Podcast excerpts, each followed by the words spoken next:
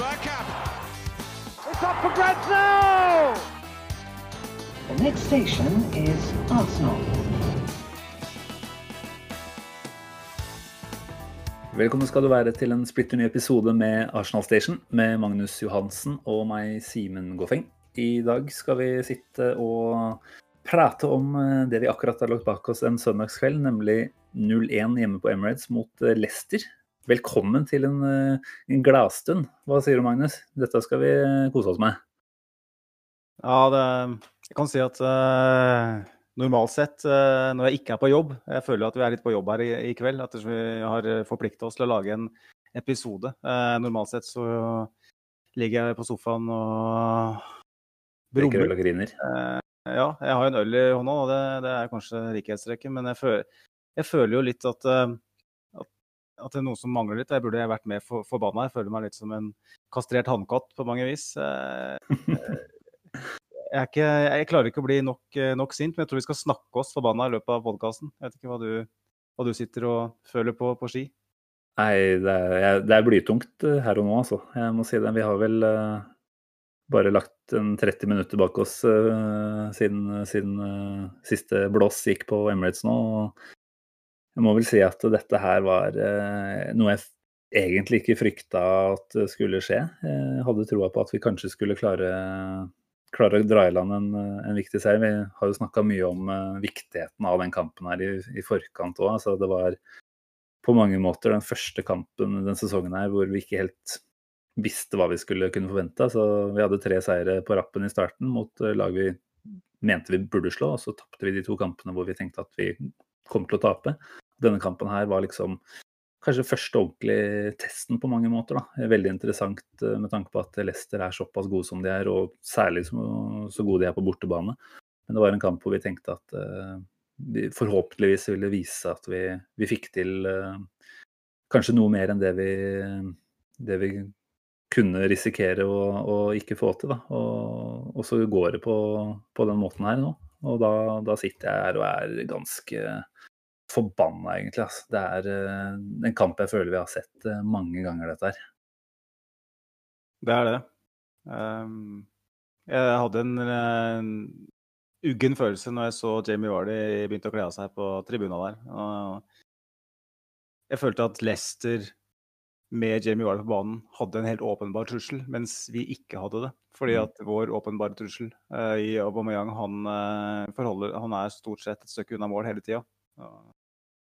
Ja, det er mye da, å ta tak i. Da, da, ble det litt sånn forutsigbart når han uh, heada inn den uh, eh, 1-0-skåringa. Og vi var jo egentlig ikke i nærheten av å svare, så veldig, veldig skuffende. 0-1 hjemme mot Leicester, altså. Uh, det er mye vi kan prate om i den podcasten her. Jeg tenker skulle vi bare starta fra, fra begynnelsen. Lagoppstillinga som kom ut en time før kamp. Må si at jeg selv syns det var noe i nærheten av det optimale vi kunne stille ut fra dagens uh, situasjon. Eh, vi har etterlyst en 4-3-3, det fikk vi endelig se. Uh, vi har etterlyst uh, Saka, snakka vi om i forrige pod, på venstrekanten. Uh, det fikk vi se. Men uh, istedenfor å få Aubameyang da på topp, som vi gjerne ønska, så ble jo Abba dytta ut på høyrekanten. Og jeg kan ikke fatte hva Arteta egentlig tenker med det. Altså, har det egentlig funka på noe som helst tidspunkt å sette Aubameyang ut på høyrekant? Han har jo ikke spilt mye der, så, så, jeg vet ikke hva jeg skal svare på det. Annet enn at jeg syns det er veldig merkelig at, eh, at han, eh, som er vår største trussel, eh, og den spilleren som skal gjøre forskjellen, blir dytta rundt på banen i posisjoner hvor han kanskje ikke mm ikke si passer inn, men han, han, han blir ikke brukt riktig. Det er ikke, det, er ikke, slik at jeg sier at han ikke skal spille på venstresida, men sånn vi spiller akkurat nå, så kommer mm. ikke han til målsjanser. Og løsningen da er i hvert fall ikke å dytte den ut på andre sida, hvor den er enda mindre komfortabel. Da. Nei. Nei, vi satt jo igjen da med to utoverkanter istedenfor innoverkanter. Jeg tenker jo Det er jo ikke noe tvil om hvordan Arteta ønsker å spille her, med en, en litt dypliggende spiss som skal gjøre korridorene ledig for, eh, for, de to offensive kantene. Men som du sier, vi kommer jo ikke til sjanser på den måten. Og da, da er det vel kanskje på tide å se at dette her ikke funker. Og i hvert fall når den spissen kommer til noen eh, farligheter, men ikke er i nærheten av å, å få noe ut av dem. Det er eh, trist å se på Lacassette de siste ukene nå. Han, du sa det vel litt tidligere at han ser ut som en 80-åring på gamlehjem. Og han, han, er så tung han om dagen. Eh, selvtilliten er jo langt, langt ned. Eh, nå kan vi for så vidt snakke litt om det målet han faktisk fikk, eh, som, som, vi kan si mye om. Men i hovedsak så vil jeg si at det Lacassette har vist nå de siste ukene, gjør at det er vanskelig å se for seg at han, han er svaret på, på, det Arteta prøver å få til på topp og, og videre. Helt enig. Jeg så han jo i, for to år siden, første sesongen til Emery, så, så hadde han en god sesong. Da så, så han ut som han var eh, på. Han så ut som han var fysisk eh, skapt for å spille i, i Premier League. Og eh, nødvendigvis målsnittet hans som var, var, det mest eh, positive. Det var mer eh, det han gjorde eh, i den rollen som han spiller, spiller nå òg. uten ball han virka mye friskere. Nå syns jeg han ser gammel ut. Altså. Eh, han, har hatt en del, han har hatt en god del uh, skadeproblematikk. Det har vært eh, både det ene og det andre for så vidt, som har blitt benytta som unnskyldning egentlig for dårlige prestasjoner over lang tid. Um, det, det, kommer, det kommer til et punkt nå hvor du tenker at kommer han til å være frisk og, og, og klar igjen på et tidspunkt? Han nærmer seg han er, vet ikke, han er vel 29, er han ikke da? 29 vel, ja. ja. Jeg syns han ser fryktelig tung ut også. Når du ser de beste spissa i, i ligaen, hvordan de har den evnen til å komme foran, ha den ekstra meteren, skaffe mm. seg plass. Mens Aubameyang, nei, sorry, Lacassette hele veien er på etterskudd. Hele veien må lage frispark. Mm. Um, han var jo heldig i dag egentlig at han ikke ble utvist, for han har jo tre-fire uh, forseelser som kvalifiserte gult. Fikk ett. Han er jo hele veien på etterskudd. Uh, mm. Jeg ser snart ingen årsak til at han skal spille. Uh, i det hele tatt. Han skåra tre mål på tre kamper i starten av sesongen, men det var jo altså tap-ins. Uh, feil fra mm. forsvaret. Han er jo der, og han skal ha det. Men det, det er ingen grunn til at Aubameyang ikke skulle skåra de måla. Eh, og da på en måte, hva er, årsak, hva er på en måte uh, forklaringa for at Akaset skal fortsette å spille når han er så svak som han er nå? Mm. Nei, det er jo Svaret er vel så enkelt som at Arteta ønsker å få noe mer fra kantene enn det det vi får til. Eh, jeg tenker Hvordan blir laget vårt best? da? Blir det ved å sette en, den beste spissen vekk fra sin posisjon, eh, eller blir det å sette inn skal vi si, en annen, en, en venstrekant som er mer skapende da, i, eh, i Aubameyangs sted? Jeg, altså, jeg syns ikke det liksom etter hvert nå kan være noe tvil da, om at, at, vi trenger å gå vekk fra den, den ideen om å starte med en eh, så lite produktiv spiss som eh, Lacassette er, og så heller kanskje tenke litt annerledes da, eh, fra hvordan, hvordan, den strukturen skal se ut offensivt. Og så, mm. og så, får vi gi det en sjanse og se hvordan det går. Men det er klart Arteta har ikke vist noe stor vilje nå til å endre på dette her, og det, det bekymrer meg veldig. For vi, vi, har veldig tiltro til det den mannen har kommet inn med, men nå har vi liksom allerede kommet der at vi har fått en del bekreftelser flere uker på rad på at dette ser jo ikke helt riktig ut. Dette kan ikke egentlig funke sånn som vi, vi prøver. Og da er jo det med å hvor, hvor, mye skal man gjenta det før man kanskje til slutt innser at OK, det, det, er ikke dette her vi kommer til å få mest mulig ut av.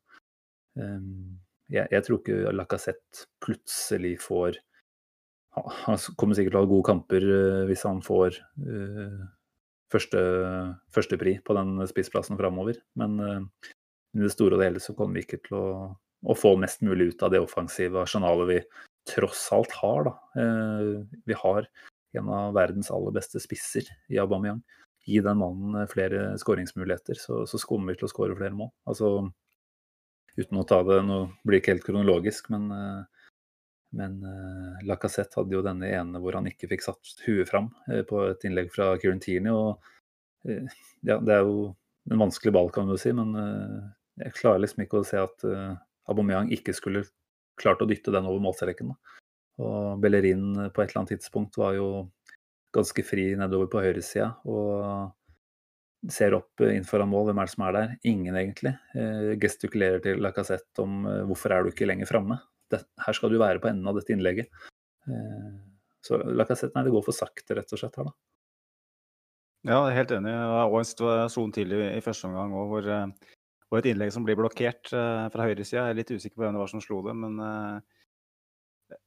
jeg la i hvert fall merke til at Lacassette hadde stoppa løpet sitt. og mm. Hvis det innlegget hadde kommet fram, så hadde det kommet nærmere første stolpe, og der hadde det ikke vært noen. Hadde Lacassette løpt fram da, så var det ingen Leicester-spillere der. og han har jo ikke han har jo ikke det instinktet foran mål heller, eh, Lacassette. Eh, hvis du ser på målet han har skåra for Arsenal, og hvis du ser på YouTube eh, for han skåra på Lyon, så er det gjerne at han får ballen på en 10-15 meter og, og, har veldig god tid, og så legger han opp i rinkeren. liksom. Eh, mm han mangler helt åpenbart det instinktet. Og når han i tillegg da er eh, tung og treg og ikke klarer å skaffe seg det rommet da, som han trenger for å skåre de måla som han tross alt har skåra en del av i karrieren, så blir det vanskelig å forsvare eh, en startplass eh, for Lacassette.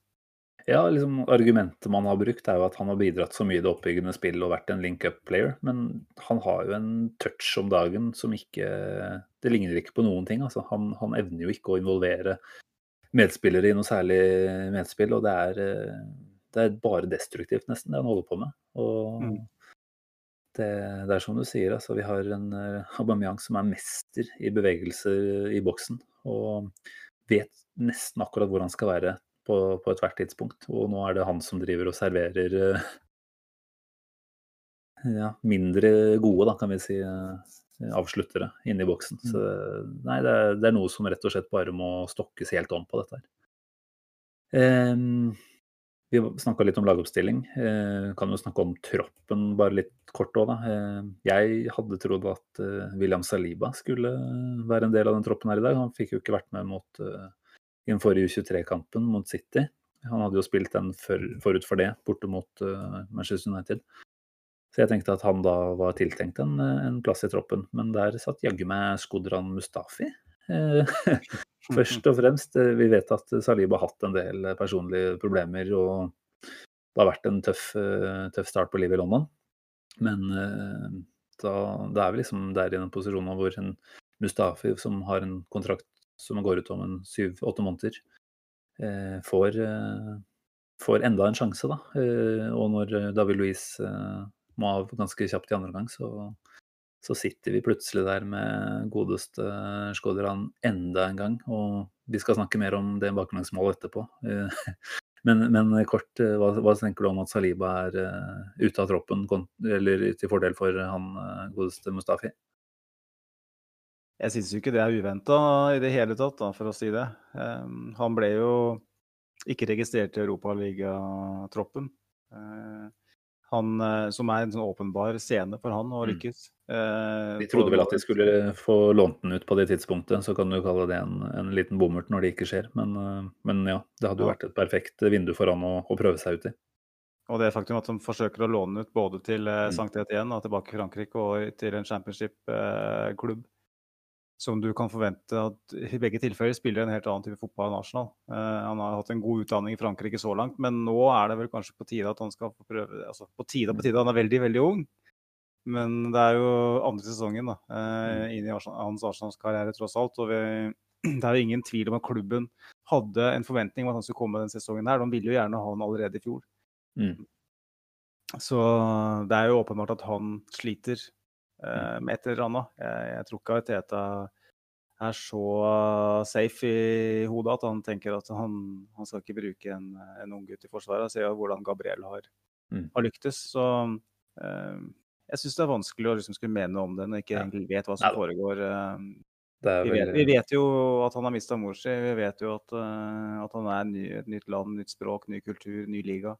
Så det er jo, Han er 19 år, så vi får, jeg syns vi skal Jeg vet det er en del uh, opprør rundt omkring, både eh, på sosiale medier osv. Men jeg, jeg syns vi skal bare la den saliva-ballen ligge litt død enn så lenge. Også. Ja, men det er greit nok, det. det. det. er som du sier, det er andre forklaringer på dette her enn, enn bare sportslige. Så, men det, det, er jo bare verdt å nevne at uh, Salibas lagkamerat fra Sankt Etienne, han uh, Wesley Fofana, spilte en brukbar kamp for Leicester etter å ha mm. kommet hit i sommer. Så, og de er jo like gamle òg, tror jeg. Men, men, det ble jo en altfor enkel, enkel sammenligning for så vidt, da. Men OK, eh, greit. Lagoppstilling og tropp, ferdig. Eh, vi får eh, en eh, Hva sier de? Nettsus eh, allerede etter tre-fire minutter. Eh, Lacassette som stusser inn en, eh, en corner fra Dani Ceballos. Um, annullering, den tenker jeg først og fremst, uh, eller første omgang, at det er grei, fordi det ser ut som Chaka er inne foran uh, keeper og forstyrrer. Så dukker det opp nye, nye, bilder da, utover i omgangen, og så blir det en diskusjon også i pausepraten på TV 2, hvor det er litt uenighet.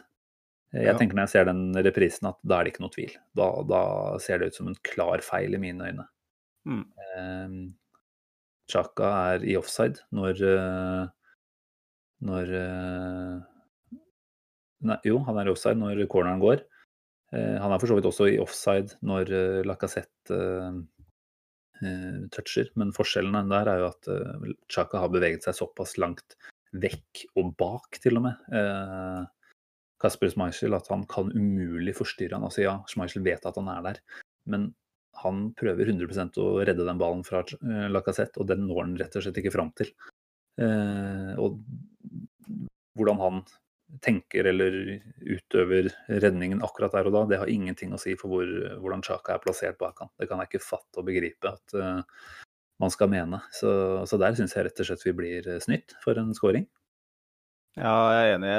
Til, det syns jo til og med at du så det på de første bildene. når når ballen eh, faktisk ble heada inn, så er jo allerede Sjaka eh, et stykke fra, fra Schmeichel. Så mm. Han mister jo ballen i utgangspunktet der, eh, Schmeichel, og går ned. og Det er en, en klar feil. Samtidig så eh, Dommeren eh,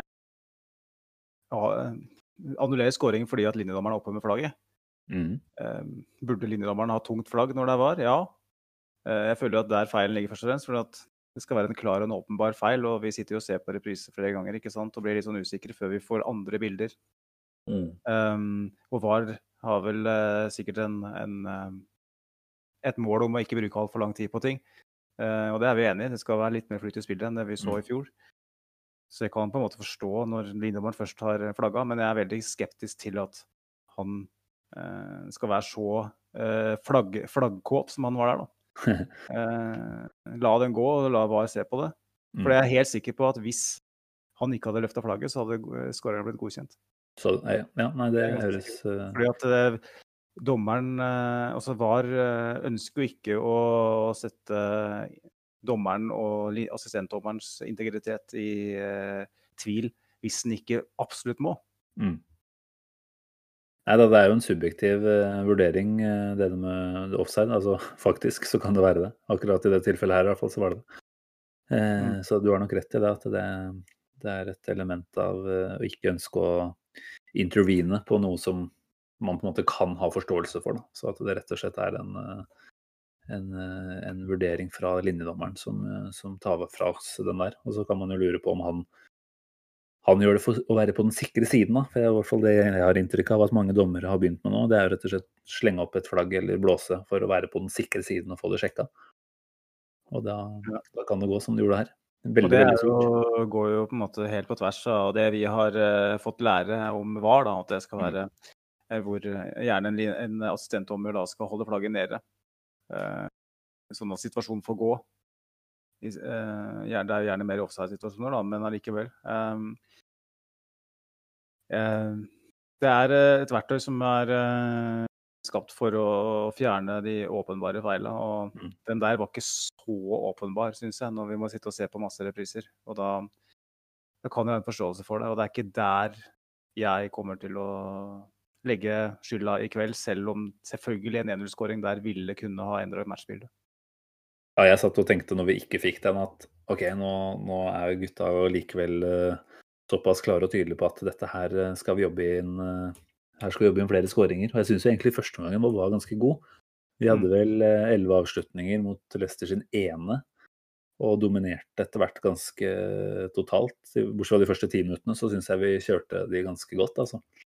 Så mm, ganske fornøyd med det, det vi fikk se i store deler der. Og så må man jo bare lure da, på hva er det egentlig som eh, blir sagt i en pause, hvor vi etter alle solmerker burde gå ut og tenke at vi, vi skulle ha leda, og dette skal vi faen meg jobbe inn eh, i andre omgang.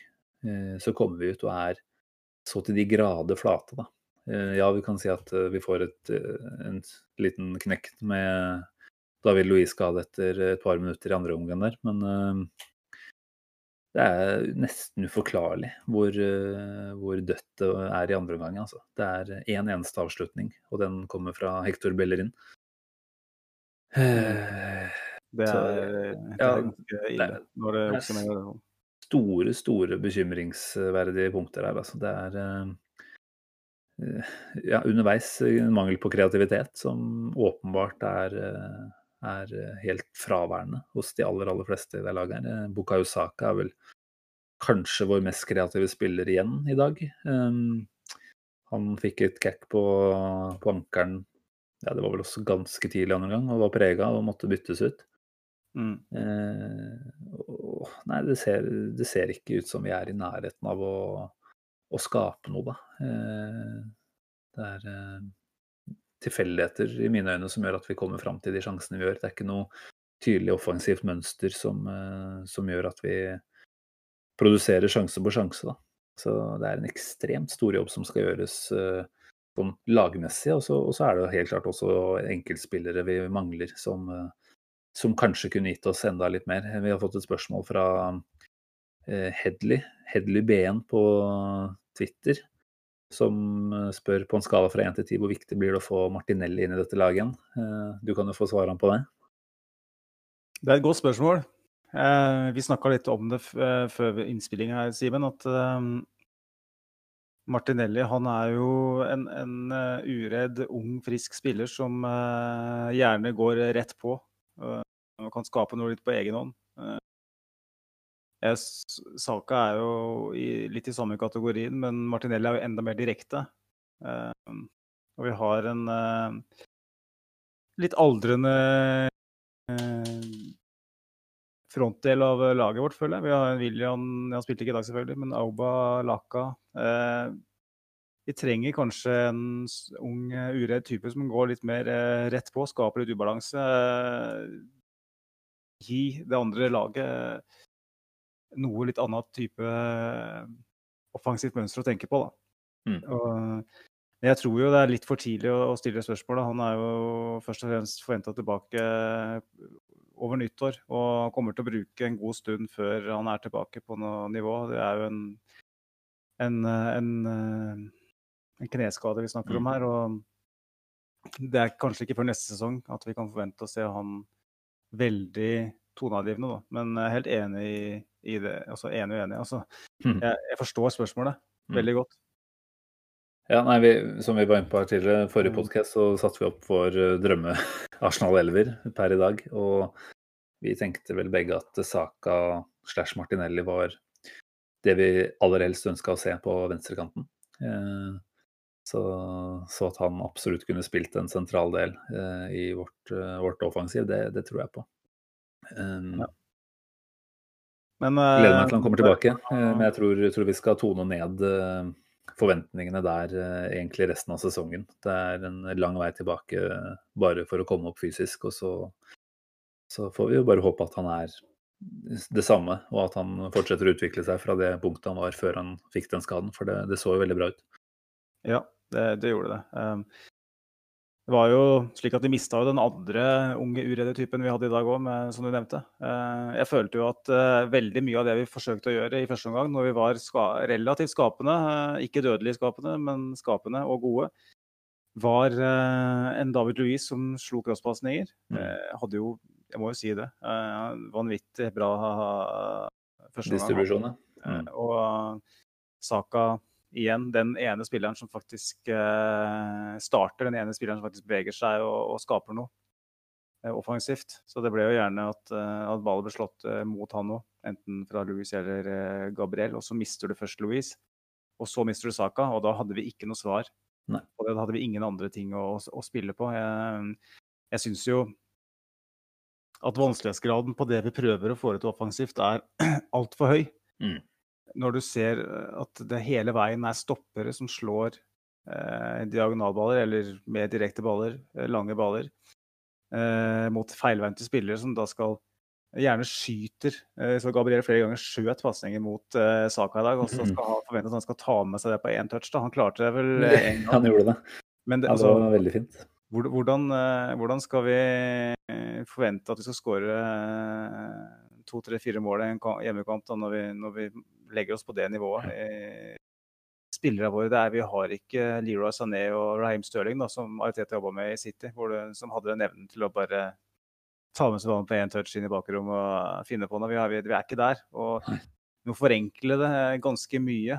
Eh, vi har, ingen, vi har ingen på midten, føler jeg. da. Eh, Thomas Party skal definitivt unnskyldes. Det er første hjemmekampen hans. eh, Og heller ikke den kreative fotballspilleren heller. Men jeg hadde jo håpet at han kanskje Eller jeg håper at han på sikt kan ta med seg ballen gjennom ledd, da, som Mm. han er kjent for å være veldig god på, og skape overtall. Eh, Men eh, per nå så Jeg jeg blir det veldig mange av de lange eh, ballene som er ekstremt vanskelig å gjøre noe med. Ja, jeg syns vi så prov på Partys evne til å ta med ball gjennom og forbi ledd ved et par anledninger. Eh, og det, det er jo lovende, absolutt. Det er jo absolutt noe av det vi håper å se mer av. Men eh, det er jo tross alt ikke derifra det meste kreative skal komme fra. Det skal komme fra Jeg må jo si jeg hadde håpa på mer fra Ceballos. Han var vel jeg, jeg vet nesten ikke om jeg klarer å si at han bidro med én offensiv nøkkelpasning. Det er jo du som er tallguruen her på poden, men, eh, men jeg opplevde at han var ganske fraværende eh, framover i dag, og det skuffa meg kanskje litt. For jeg hadde i hvert fall i mitt hode en slags illusjon om at eh, Chaka Party skulle være den solide basen. Eh, og at Ceballos kanskje skulle få roame litt opp i mellomrom eh, tierrollen. Eh, og forhåpentligvis også kunne tre litt derifra. Jeg syns ikke han var i nærheten av å få til det. Mulig at jeg glemmer noe der, altså, men, eh. Men eh, det var absolutt et, eh, en stor mangel i den kampen her. Og vi hadde egentlig ikke noe sånn penetrerende spill gjennom midten. Det var, eh, det var disse lange bakromspasningene, lange crossere, og så var det forsøk på spill fra, fra side og inn. Eh, og det, det ble litt for enkelt i de fleste av tilfellene, selv om vi selvfølgelig kunne ha fått til noe på, på et av de forsøkene òg, da. Mm. Jeg kan jo øh, for så vidt uh, Skal vi se, nå er jeg for Nå skal jeg skyte inn det med, med Ceballo sine tall her. Uh, men det står ja, det. Jeg er inne på feil uh, feil Arsenal-Leicester-kamp. Jeg er på ligacupmatchen, som må gi meg noen øh, den var jo brukbar i forhold. Så vi ser ledig-variant her. Men uh, Ja, Hvis du ser på de tallene, så kan jeg bare nevne jeg har sett på expected goals. da, og Der uh, er vi på 0,74. Uh, 0,74 faktisk, helt, helt jevnt. da. Men eh, Mm. det er jo ikke, ikke nok på hjemmebane mot et lag som vi helst skal slå. da, Og at vi produserer såpass uh, begrensa med sjanser. og såpass få store sjanser, da, selv om nå blir vel kanskje ikke den Lacassette-sjansen eh, tellende med tanke på at han ikke toucha ballen. Jeg vet ikke helt hvordan den der funker, men, eh, men det er klart Nei. at det var, eh, det var en Kanskje en opp mot 100 mulighet da, hvis han hadde truffet, truffet ballen. Mm. Um, Ceballo så har har faktisk 80 touch eh, i dag. Da. Det var okay. mange flere enn jeg trodde. Jeg, ikke, så la ikke merke til den eh, egentlig i det hele tatt. Når det gjelder antall pasninger, så er det 59, uh, 59 pasninger. Um, Mm. og det, det er for så vidt som forventa, men det var vel ingen av dem som var i noen form for nøkkelpasning. Så han var veldig veldig svak i dag, rett og slett. Han, uh, han ble dyttet litt til høyre. Jeg så at uh, gjentatte ganger uh, var ute og ropte til ham å få, med, altså, få han ute på høyresida der. Uh, Mm. Virka veldig i ørska. Han visste ikke helt hva han skulle gjøre. Det, der, det og det kan jo være en Det er første gang vi spiller med en fire bak da, i, år. og Det kan jo være så enkelt at han rett og slett trenger litt tid på, på å forstå en ny rolle. Uh, men det er klart det er, det er synd at, uh, at det skal skje i en, en sekspoengskamp som det her kan være. Ja, det er jo en mulighet vi la gå fra oss her. Selv om det er veldig tidlig i sesongen, så, så hadde jo en trepoenger her gjort at vi så solid uh, forankra ut i topp fire, i hvert fall enn så lenge. Mens nå er vi vel på en velkjent tiendeplass, som vi var nede og flørta ofte med i, i fjorårssesongen. Uh, så ja, det er uh, absolutt poeng vi, vi, skulle hatt med dette her, altså. Um, jeg vet ikke helt hva vi skal si når det kommer til den andre omgangen her. Vi, vi kan jo la Stian Bøhling, som har kommentert på Twitter, oppsummere det kort og godt. Han skriver tannløst, fantasiløst og kanskje den dårligste andre omgangen på flere år. Etter skåringen detter vi om mulig enda lavere i prestasjonene. Vi ser tunge ut, lite selvtillit. Farlig trend for Arteta dette. Blytungt. Blytungt, det var vel det ordet jeg brukte når vi starta på den også. Det stiller jeg meg helt bak, Stian. Dette her er, eh, er skremmende. Ehm, og vi får eh, et mål imot da, etter 80 minutter ca. Og da kunne man jo håpe på en desperasjon. Kaste folk Vi kasta for så vidt eh, Nketa inn for Tini. Ehm, eh, kanskje vi skulle snakka litt om baklengsmål aller først, når jeg tenker på den. For det er jo egentlig noe vi burde, burde ta litt tak i. Da eh. gir jeg deg dirigentpinnen, Simen. du var ganske oppgitt på det tidspunktet, så du valgte heller å se i veggen enn å se på reprisene? Ja, jeg så på Berkamp og Henry for vi, vi må tilbake. Et, et, godt valg, det. Nei, det ser vel ut som det er mange feil som gjøres, da. Altså, det er vel en uh, Leicester har vel ballen på midtbanen, og vi sliter vel med å komme opp i presset. Både Ceballos og, og Party. Uh, Tielemanns er det vel, slår en ball i bakrom. Og der er vi jo helt åpenbart på, på etterskudd flere steder. Uh, da har vi Kieran Tierney som uh, ikke er i nærheten av å følge mannen på sin, uh, på sin halvdel. Eh, Chaka ligger for så vidt like nærme, og blir jo da mannen som prøver å ta opp eh, jakten på han. Det veit vi jo at det ikke kan gå. Han er treigest på fotballbanen nesten hver gang han stiller opp. Og Cengiz Under var det vel som kom på. Han, eh, han hadde krutt i, krutt i støvlene, han, og gønna på. kom seg inn i bakrommet. det som hadde skjedd der, var jo at Gabriel, som i utgangspunktet sto og fulgte Vardi, måtte inn da, og prøve å avskjære Cengiz Under. Eh, noe han for så vidt gjør rett i, vil jeg si. Han prøvde å få med seg tidligere nevnte Skodran Mustafi eh, lenger ned i banen, eh, bare noen sekunder i forkant. Og Mustafi responderte på det med å jogge. Han gadd ikke å spurte tilbake når han ble bedt om det. Han jogga tilbake og gjorde at vi var totalt sjanseløse da, når vi egentlig havner i en én eh, mot to-situasjon eh, defensivt der. Så mange feil. Mustafi gjør feil nok en gang. Det er noe med å Vi har sett det så mange ganger før, da. Og litt som jeg var inne på her i starten, ja, vi trenger ikke å snakke for mye om Saliba, men jeg skulle veldig mye heller på en måte ønske at det var Saliba som fikk lov til å gjøre de feilene her, da. Fikk lov til å utvikle seg og så ja, han tåler kanskje ikke for mye negativt etter det han har vært igjennom. Men, eh, men helt isolert sett da, så hadde det gitt meg mye, mye mer eh, tilbake hvis det var Saliba som ikke helt uh, fulgte mannen der, og som faktisk fikk muligheten til å lære av det. Nå ser vi en Mustafi som gjentar og gjentar og gjentar feil. Og nå er han fortsatt utpå her og kødder det til, da, selv om han ikke er alene om denne her. Så Nei, det, det føltes som et enkelt mål å slippe inn, eh, og jævlig surt. Og som du sa, det var vel omtrent det eneste vi satt og venta på når vi så var de gjøre seg klar på sida der. Da skjønte vi at dette her kommer vi til å få si for.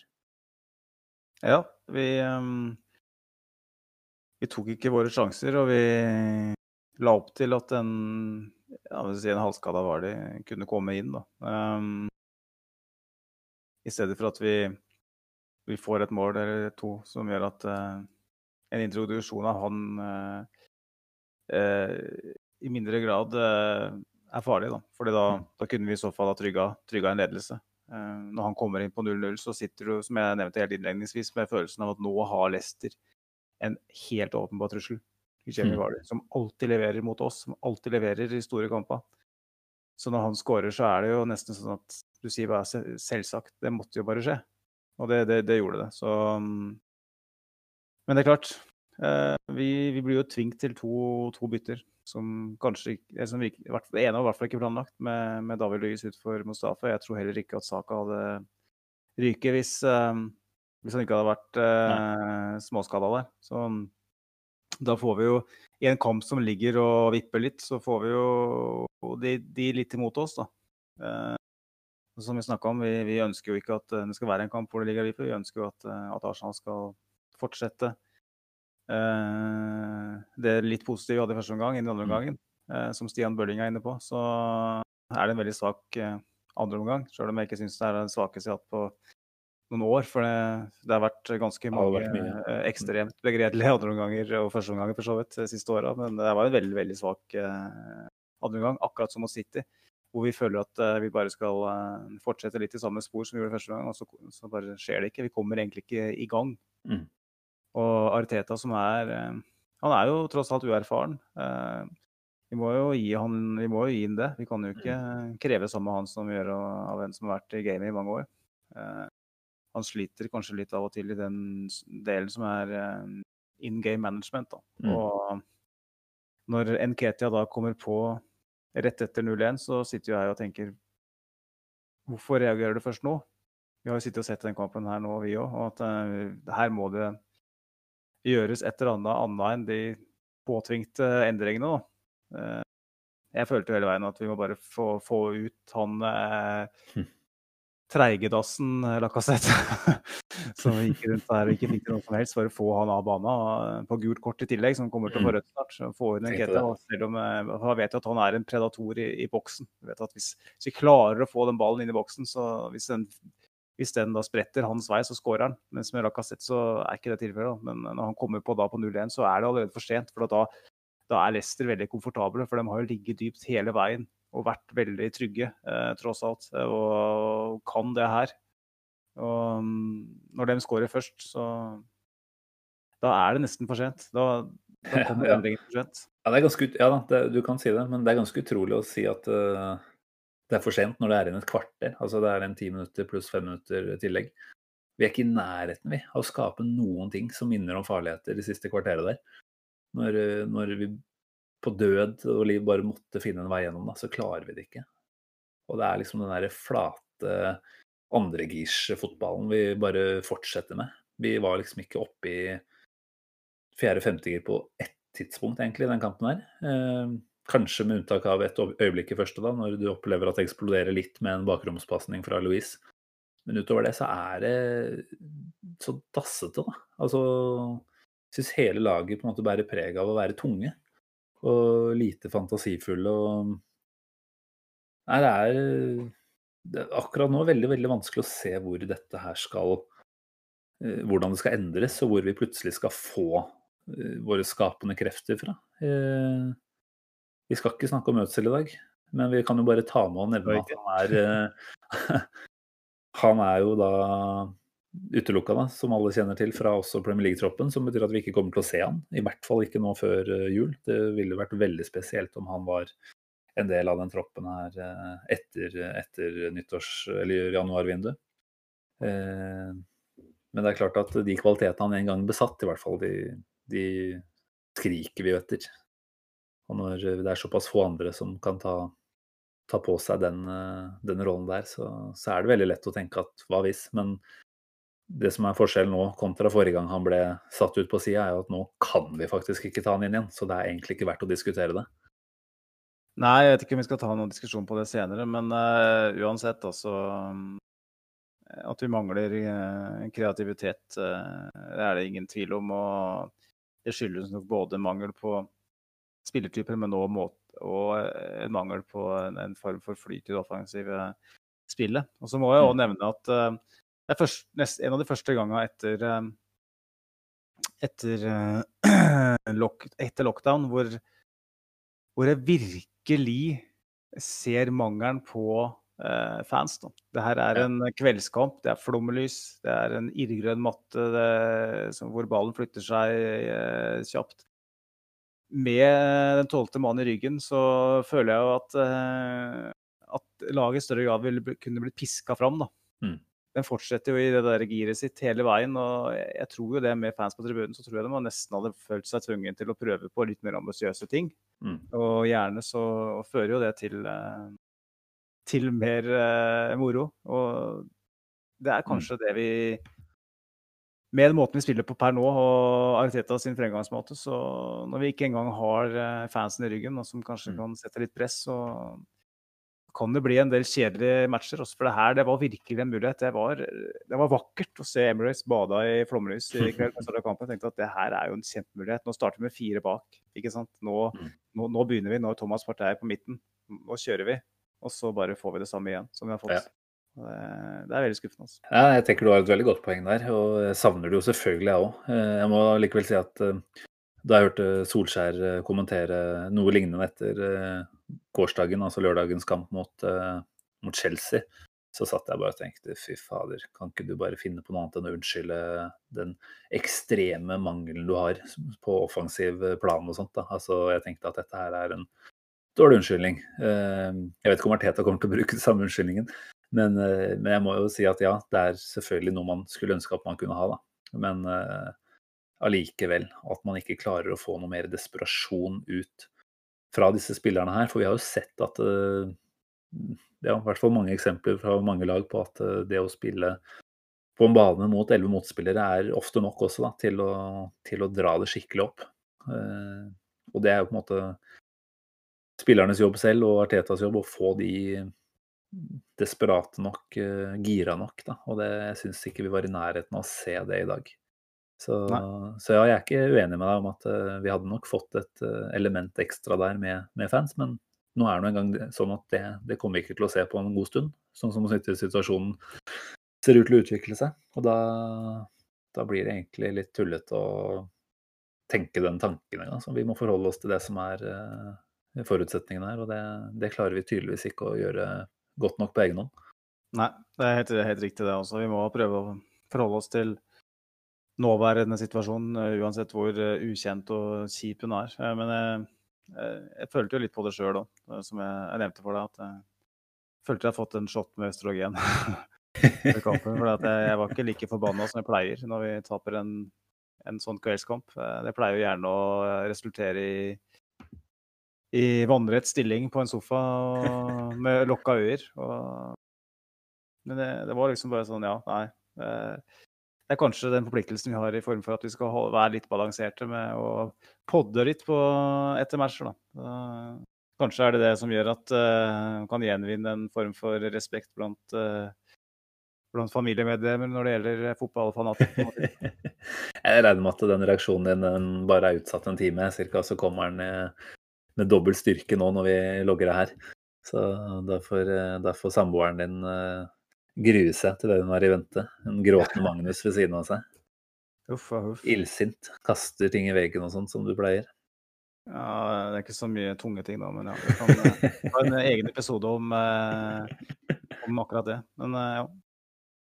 Jeg kan jo, jeg kan jo nevne det, da, at eh, for å sette ting i perspektiv, så første gangen uh, fattern begynte å vurdere å ringe folk i hvite frakker um, eh, av fotball, så var det når vi tapte mot Liverpool i 2001, var det vel, FA Cup-finalen.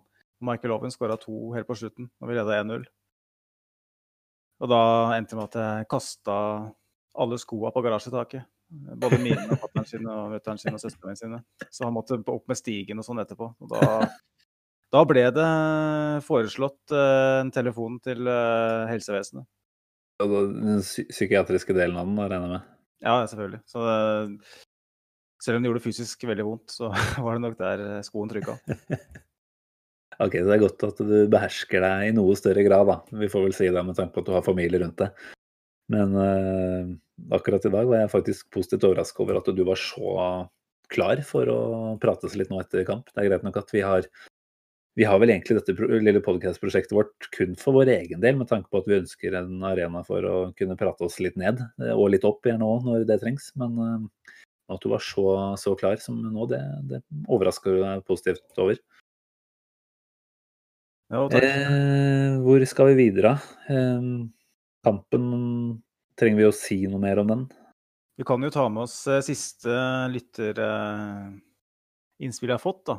Eh, Det har jo ikke rent over av det i dag heller, men vi er veldig takknemlige for det vi får. Det er Magnus Vikere, en navnebror, som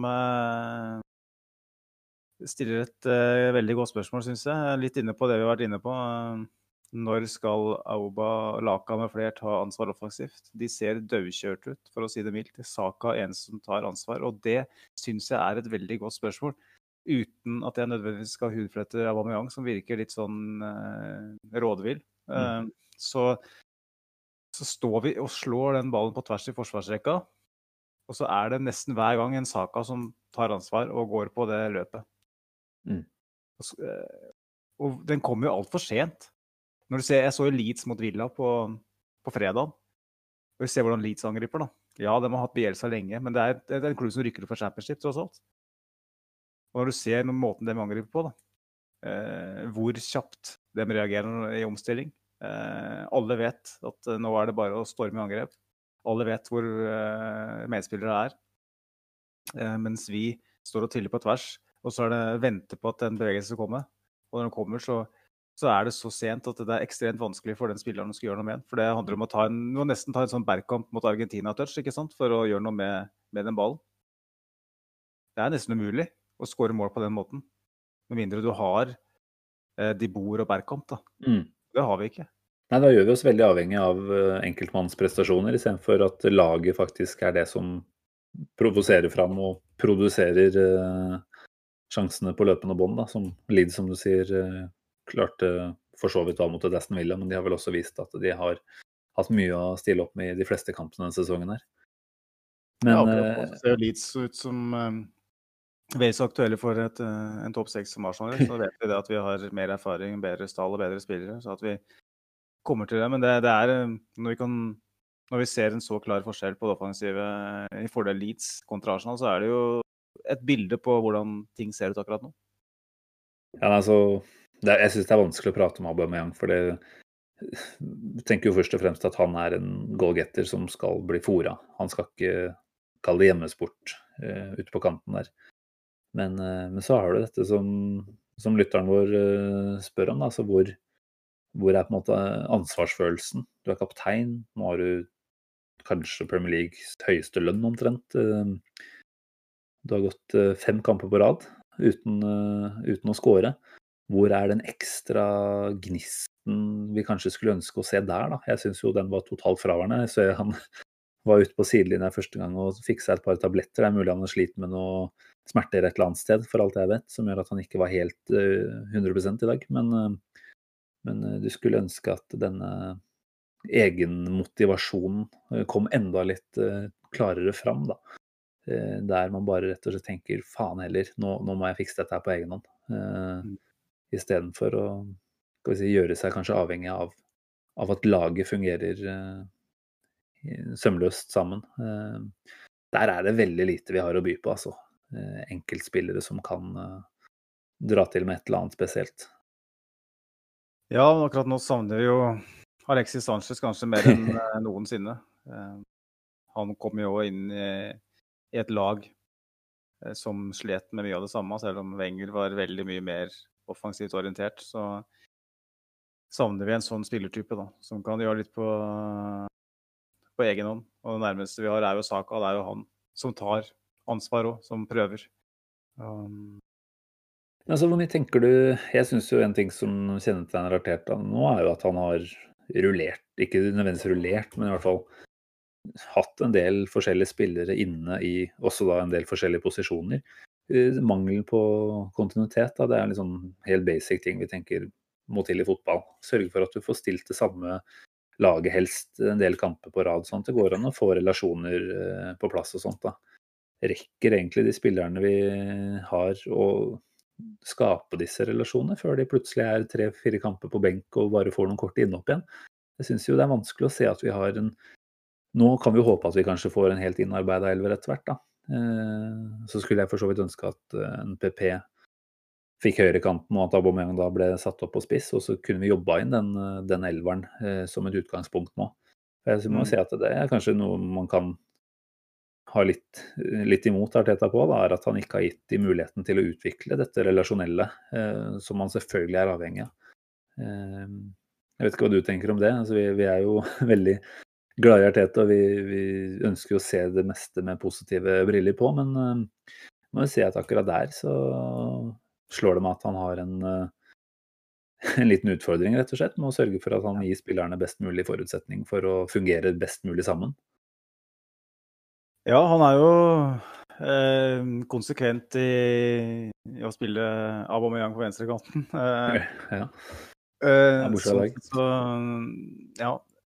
Et, et, godt spørsmål, eh, det også. Jeg syns jo eksklusjonen av PP nok en gang eh, kan stille spørsmålstegn, spesielt når William da er, eh, er ute. Mm, mm. En spiller vi på den podkasten her har vist vår skepsis, skepsis til når han endelig er endelig. Det var veldig negativt lada, men når han er ute, så tenker jeg hvorfor får ikke PP spille da? Mm. Fra start, når han tross alt i forrige hjemmekamp i Premier League hadde en ekstremt bra inntreden fra benken. Mm. Eh, og når han først kommer inn, så blir han satt inn på venstre kant. Når han alltid i den, eh, si, den delen av karrieren hvor han har vært kjempegod, har spilt på høyre, trekker inn til venstre. Er, han er litt sånn one trick pony, egentlig, på mange vis, PP. Mm. Det er liksom, Du får litt rom eh, på høyresida, skjærer inn bruker venstrefoten. Og når han kommer inn for å skulle gjøre en forskjell, eh, når mange på en måte er skeptiske til eh, den signera, så setter han inn på, på venstrekanten. Eh, ja, mulig han starta ute til høyre, som utgangsposisjon, men han endte jo på venstresida der. Mm. Og han fikk jo til null komma niks, men hva faen kan han forvente, da? Nei, Han kommer inn på et tidspunkt hvor Leicester legger seg dypere og dypere, og dypere, og da, da gir du han Du kaller han en one trick pony, og da gir du han egentlig ganske få muligheter da, til å vise fram det ene trikset han har. Og det er å sørge for å ha, ha rom å angripe i. Så, så han blir ikke gitt noen særlige forutsetninger heller, kan du si. Nei. Um, nei, jeg må si at jeg Det utvikler seg en liten skepsis i meg altså, uh, akkurat nå. Et spørsmål som jeg gjerne skulle likt å stille til Arteta, var etter kampen, ville du fortsatt ha valgt samme startoppstilling og samme gameplan? Og jeg tipper at han ville sagt ja på det spørsmålet. Mm. Og da da brer det seg en liten usikkerhet hos meg. Altså, for, for, han har tydeligvis sett og tenkt noe om at, at Lacassette skal funke på den måten, og kantene mine skal funke på den måten i forhold. Og det har vi så, sett så få eh, tilfeller av til nå, da. Men allikevel så tror jeg det er noe han kanskje tenker at han skal fortsette med. Og det, mm. det er litt bekymringsfullt. Helt klart. Jeg um, har jo eller, um, den boka til Nils Van Eggen som er veldig kjent, den uh, godfotteorien. Jeg føler at Ariteta er litt på vondfoten nå. uh, og bruker Aubameyang uh, Han bruker den jo feil på eller annet, en eller annen måte. Jeg vil ikke være bombastisk og si at han skal spille i midten, men man må jo bruke den på en måte som gjør at han kommer til sjanser. Mm. Setter inn PP uh, på venstrekanten. Uh, det blir uh, litt sånn vi snakka om Wenger i mange år, at Hvem sier det? Square pegs in round holes. Firkanter i runde hull.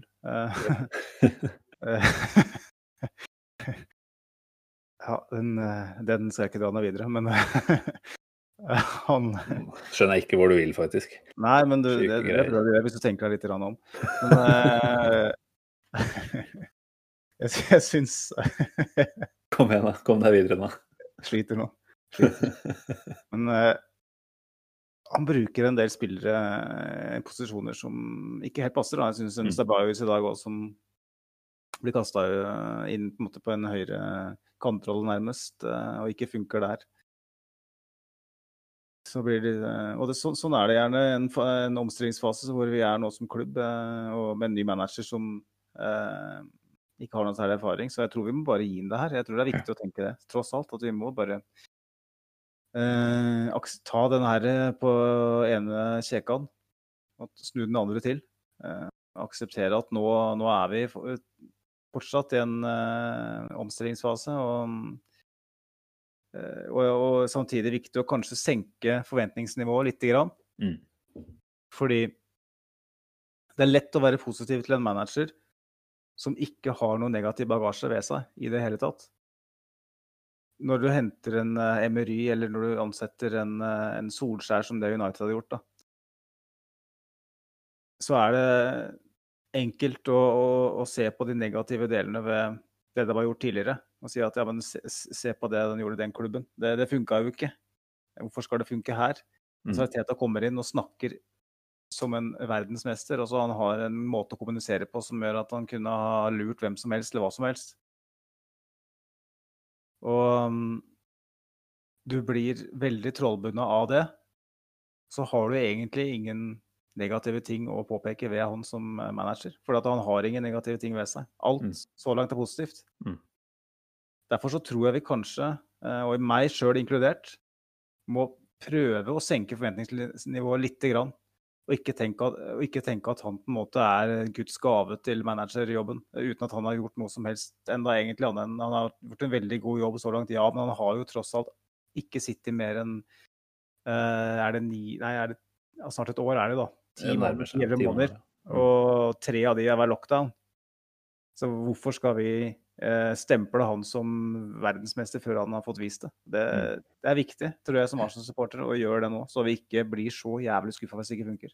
Nei, det er veldig, veldig god påminnelse. Altså, som du sier, jeg har vel også tenkt at eh, Arteta omtrent er som en Messias regne etter å ha hørt på alle pressekonferanser og sånt. Og særlig i starten. Eh, fått et eh, inntrykk av at dette er en mann som vet alt, og kommer til å gjøre alt riktig.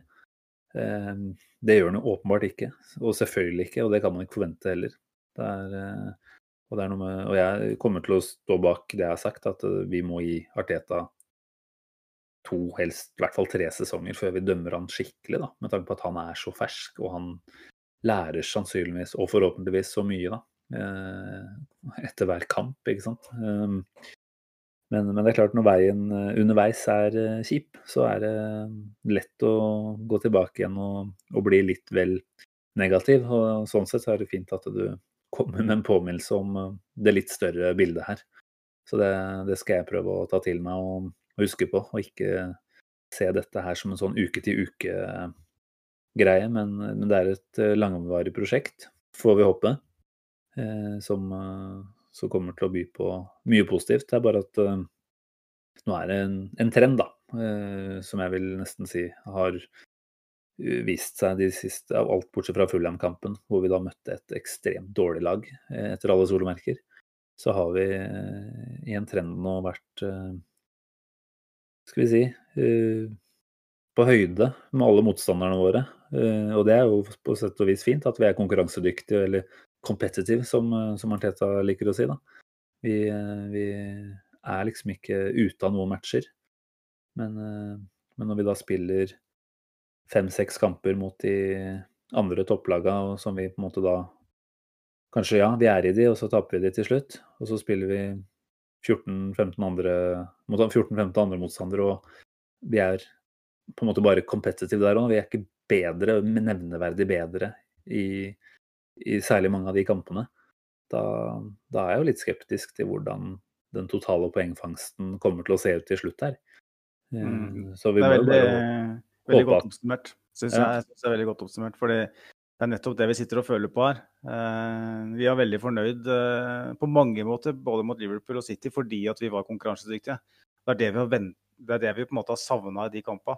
Fordi at du vet at borte, borte mot topp seks, så handler det egentlig om å være konkurransedyktig. Å få det ene målet som gjør at du vinner en gang iblant. Og få med en uavgjort en gang iblant. Men eh, når du tar med deg det inn i kamper mot Sheffield United og Leicester og, og, og Westham på hjemme, da blir det en helt annen sak. Og det var det vi var veldig kritiske til ved Emery. Mm. Fordi at han, han var veldig opptatt av det å være konkurransedyktig i hver eneste kamp. Eh, men det endte jo med at vi tok kjempehensyn til alle motstandere, inkludert eh, Burnley og Southampton, ikke sant. Og i stedet for å eh, faktisk gå go all guns blazing da, mot de lagene vi faktisk skal være bedre enn. Og per nå så, så lukter det jo litt mer Emery av Arteta enn det vi ønsker. Ikke si det høyt. Ikke si det høyt.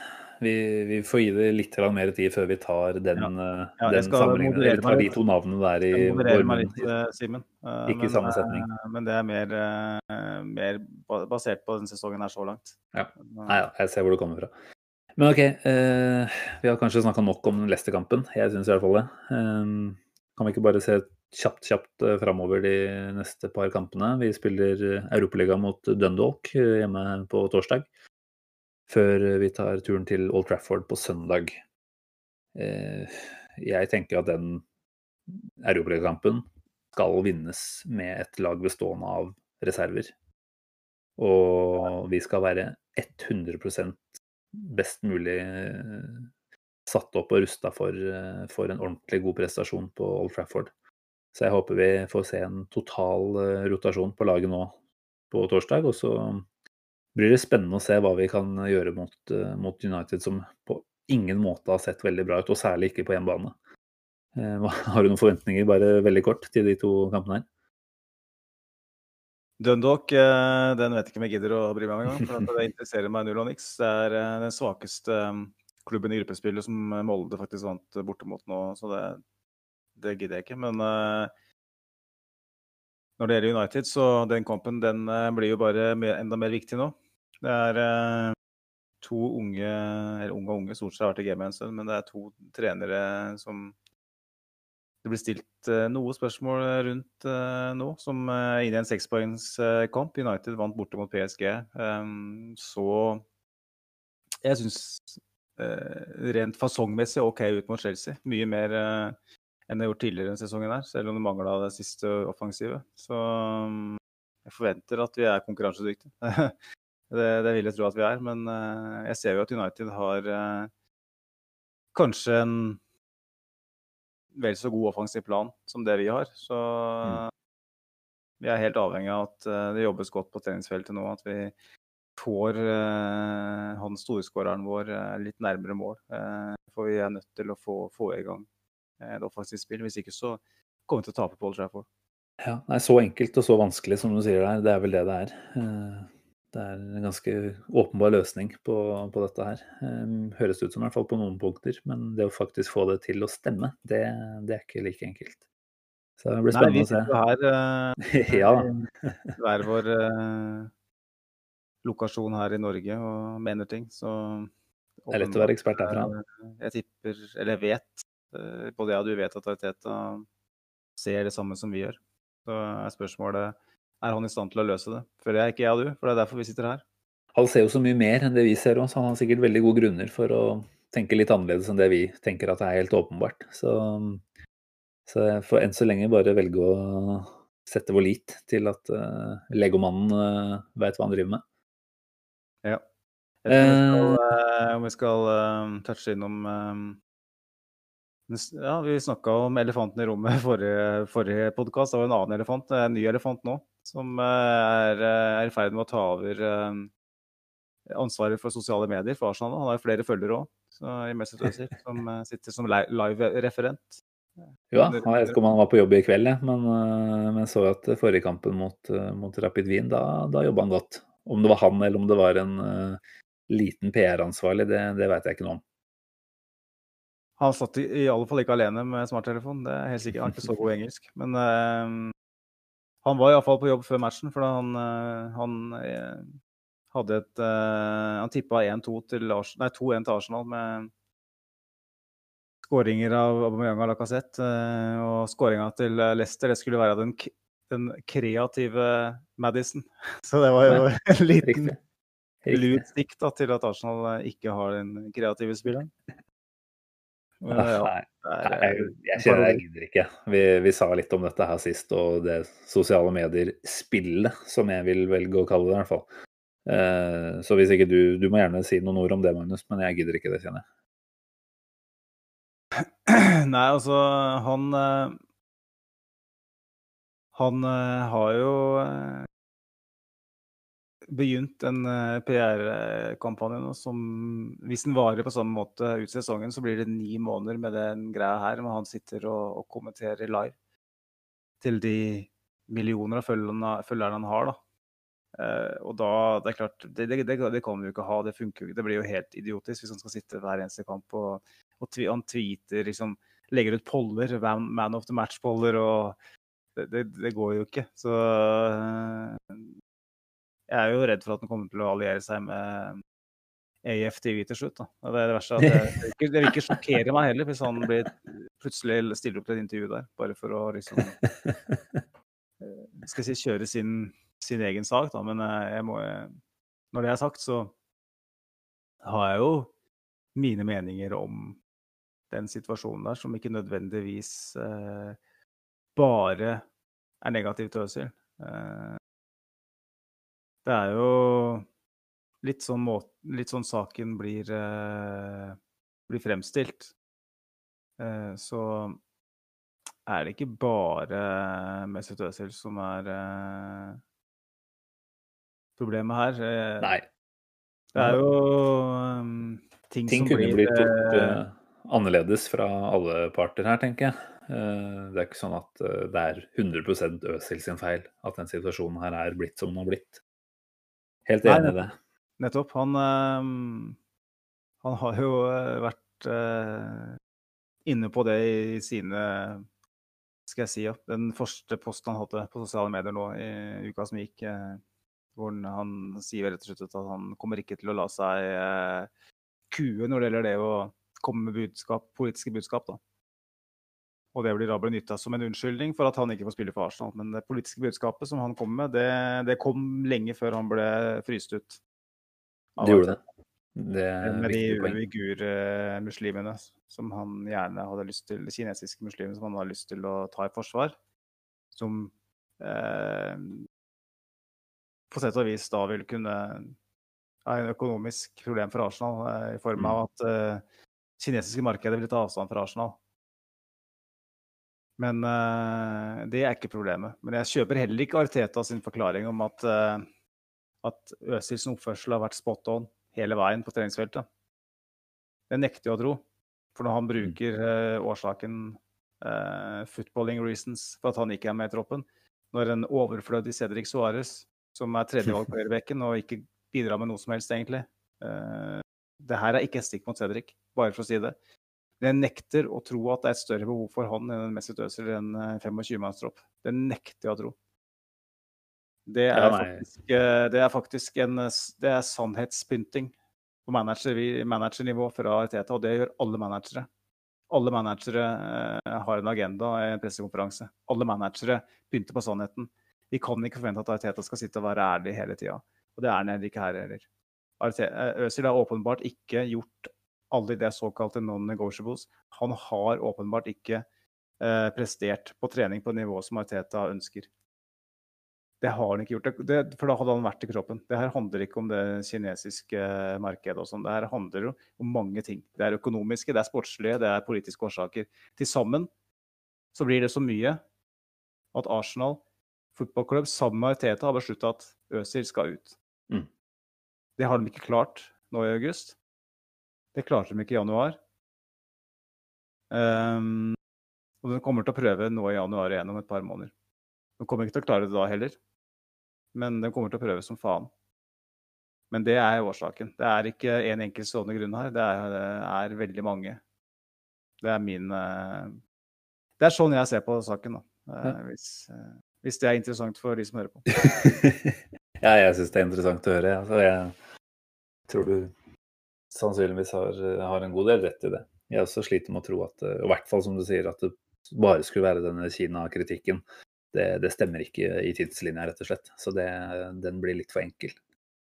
Men nei, jeg står ved det jeg sier. Jeg tenker at jeg har fått ut det jeg tenker om denne saken i tidligere podder. Så egentlig ganske, ganske ferdig med det.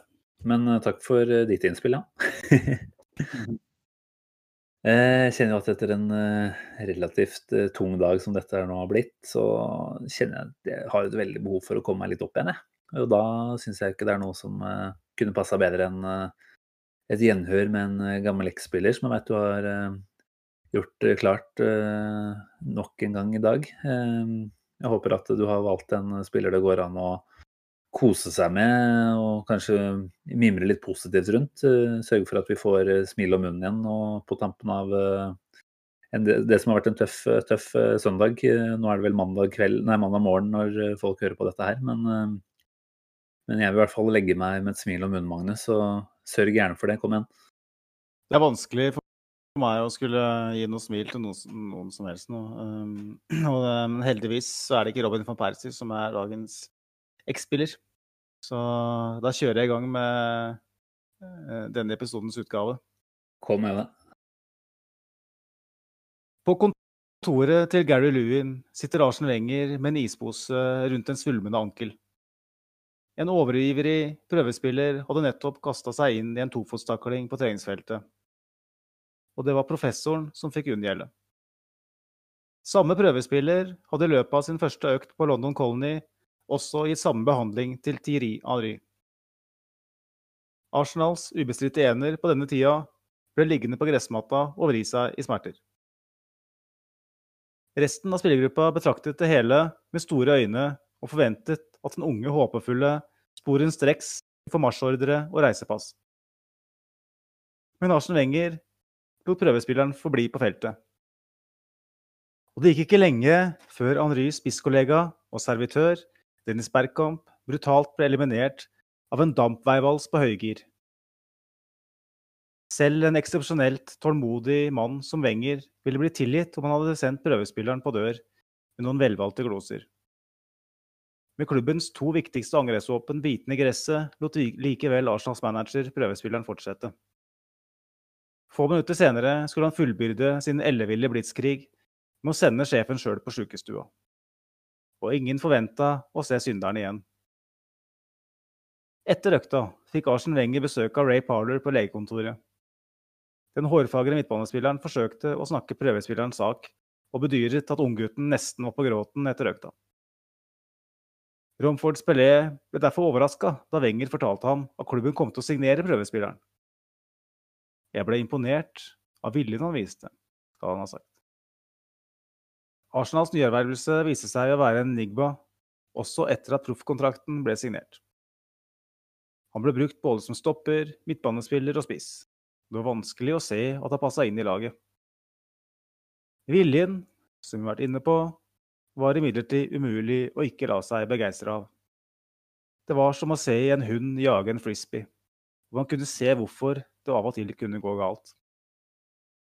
Den uslepne diamanten ble derfor plassert ved siden av en koloss i Arslands midtforsvar, og mange gnagde ekstra på Solettin da dagens X-spiller starta Arslands første seriekamp i 2003-2004-sesongen.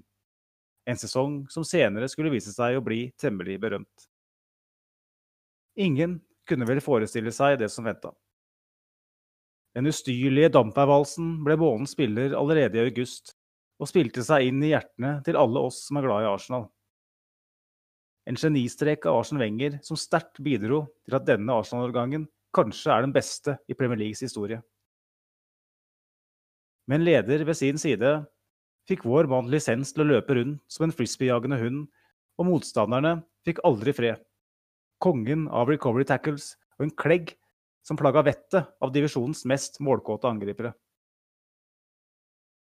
I årene som fulgte, var den omskolerte midtbanespilleren en selvskreven mann på stoppeplass. Frem til Sol Campbells exit under en sky i 2006 så vi sjelden en svak kamp fra vår mann. Men med William Gallas ankomst samme sommer fikk vi se en litt annen utgave, av publikumshelten. Graden av kontroll var ikke lenger like høy, uten en stor leder ved sin side. Gallas og vår mann fungerte dårlig sammen på banen og hadde et svært kjølig forhold utenfor den. Gallas er ikke min venn, har han sagt senere. Og det var nettopp isfronten mellom de to stopperne som til slutt var årsaken til at denne legendariske X-spilleren valgte å forlate klubben. Det faktum at den franske sutrepaven var motpolen til Sol Campbell, ble fullbyrda da han et par år senere gikk motsatt vei enn den Campbell gikk noen år tidligere, fra Arsenal til Tottenham. Og da er det vel liten tvil om hvem vi støtter i denne ferden. Vår mann fortsatte ferden i noen av de største klubbene på Balløya, men falt aldri tilbake til formen som gjorde han til en av divisjonens beste stoppere. I stedet er han best huska for en slankekur som gikk aldeles galt. Alle kunne se at han var i ferd med å få love handles.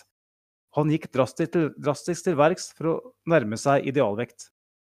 Konens slankepiller, som han fiska ut fra medisinskapet, gjorde utslag på en dopingtest, og vår mann ble utestengt i seks måneder for brudd på dopingreglementet. En ytterligere uheldig historie fulgte, da hans dobbeltliv ble plastra utover tabloidene.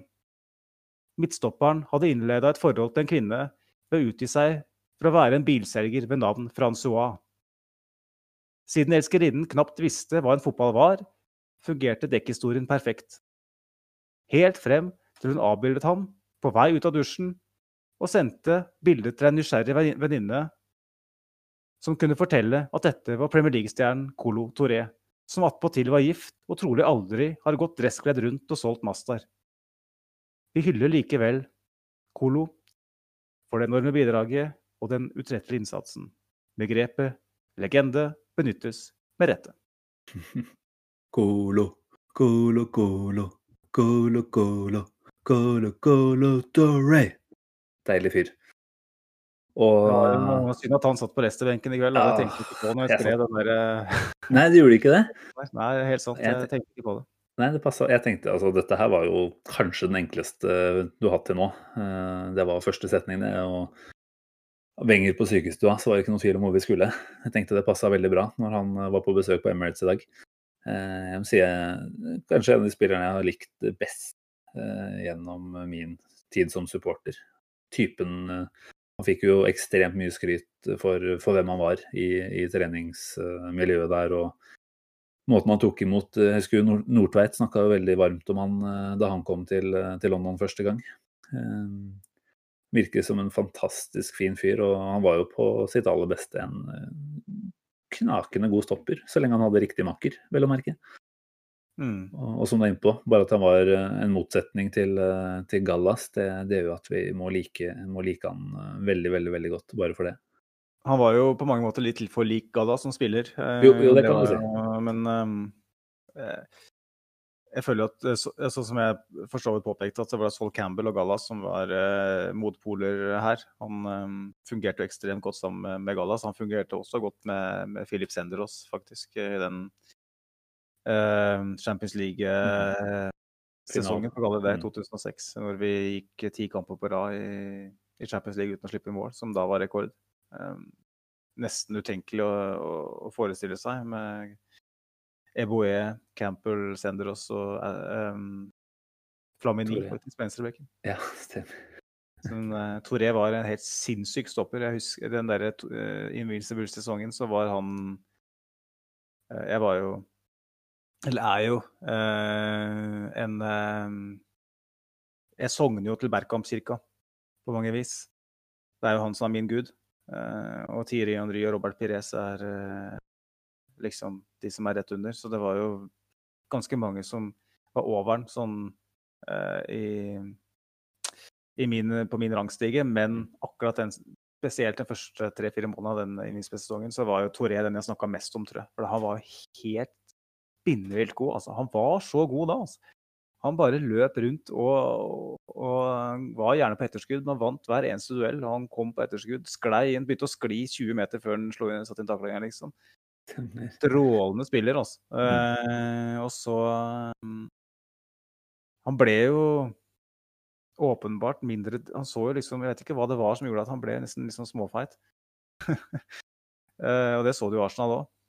Han var jo ikke den der eh, monsteret lenger. Han var treigere, han var mindre, dårligere trent, han var på etterskudd. og mm.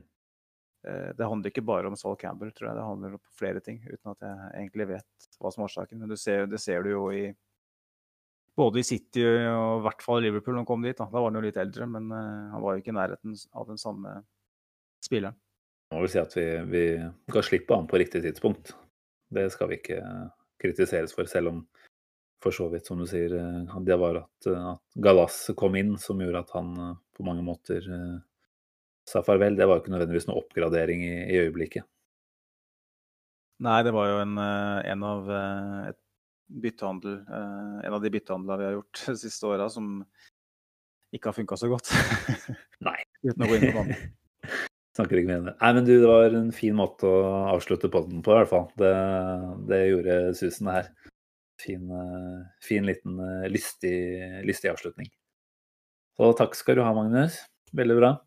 Um, vi var jo inne på at vi har et par kamper i vente nå før vi sannsynligvis er tilbake. Skal vi ta sikte på en ny søndagsinnspilling etter uh, United-kampen neste helg, eller? Det er jo et sjansespill å sitte her nå når det nærmer seg midnatt og prate om fotball hvis ikke det går helt veien. Men uh, vi har jo hektiske uker begge to, så det er ikke alltid så lett å få bakt inn uh, podding i hverdagen. Så um, tenker jeg at vi kanskje Vi kan jo komme tilbake til det, men uh, ta sikte på en, en ny episode etter United-kampen neste uke, da. Når, når uh, går den egentlig? På, sånn på, når på søndag? Det er jeg ikke sikker på. Oss. Nei, det veit jeg ikke helt. Jeg tror det er, uh, tror det er kveldstid søndag, jeg. Igjen? Uh, du syns det ble litt seint? Nei, det er ikke det. Det er bare Hvis det går til helvete òg, så er det liksom noe med å avslutte uka med en um, vond magefølelse. Skal vi se, nå har jeg en foran meg her straks. Um, halv, ja, halv seks er den. Halv seks det funker fint. Det, da har vi jo, hvis vi har lyst til å kaste sko på garasjetak, så kan vi gjøre det først, da. og uansett, tenker jeg, så Jeg hadde ikke hatt det like hyggelig hvis jeg skulle gått og lagt meg rett etter den kampen her eh, i kveld mot Leicester. Så, så, dette her hjalp litt for min del, i hvert fall. Så podding kan være, kan være en, en, fin terapi, det. Da, da oppfordrer vi ikke til å starte konkurrerende norske Arsenal-podkaster. Nei, vet at det fins eh, noen av de, og kult at det er engasjement der ja, ute. Ja, det er kjempe, men, eh, kjempebra det, altså. men, kød, altså. men, om dette her er eh, go to-podkasten, så setter jo pris på det. Må vi si det. Uh, ja, nei, men Skal vi si at vi runder av der, da? Uh, kan du bare minne om på slutten her at vi har um, sosiale mediekontoer både på Twitter og Facebook. Og setter jo veldig stor pris på en like eller en follow der. Uh, setter jo også veldig stor pris på de som kommer med spørsmål og innspill når vi, når vi spør etter det, det bidrar veldig til, til, de sendingene her. Så fortsett med det, de som gjør det. Og dere som tviler litt fortsatt på om dere har interessante nok spørsmål, bare fyr på, så, så tar vi tak om, om, alt som kommer inn. Yes, Magnus, da tenker jeg du skal få lov til å ta farvel denne gang, siden du, du var så hyggelig her og gjøre søndagskvelden min litt bedre med coloteré-kåseriet ditt. Vær så god. Takk for det. Da um, regner jeg med at jeg er tilbake om uh, ei uke. Og skaff dere en sprøyte med østrogen, sett den bak, og så kjører vi på igjen neste uke. Går det bra, så la dette ligge. Takk for oss.